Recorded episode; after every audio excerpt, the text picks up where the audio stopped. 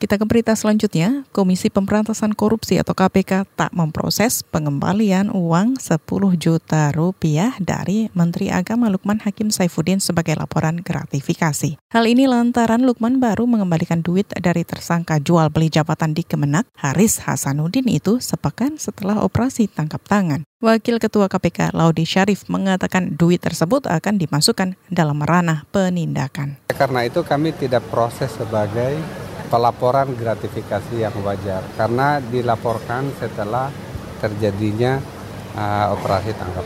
Oleh karena itu, rekomendasi dari pimpinan dan dari direktur gratifikasi diserahkan pengurusan uang itu ke kedeputian penindakan. Sebelumnya KPK dalam sidang pra-peradilan, Roma Hurmusi menyebut Menak Lukman Hakim Saifuddin menerima uang gratifikasi sebesar 10 juta rupiah dari Kepala Kantor Wilayah Kemenak Jatim Haris Hasanuddin. Haris belakangan terkena OTT dan menjadi tersangka suap jual beli jabatan di Kemenak. Lukman mengaku telah mengembalikan uang itu ke KPK sejak sebulan lalu.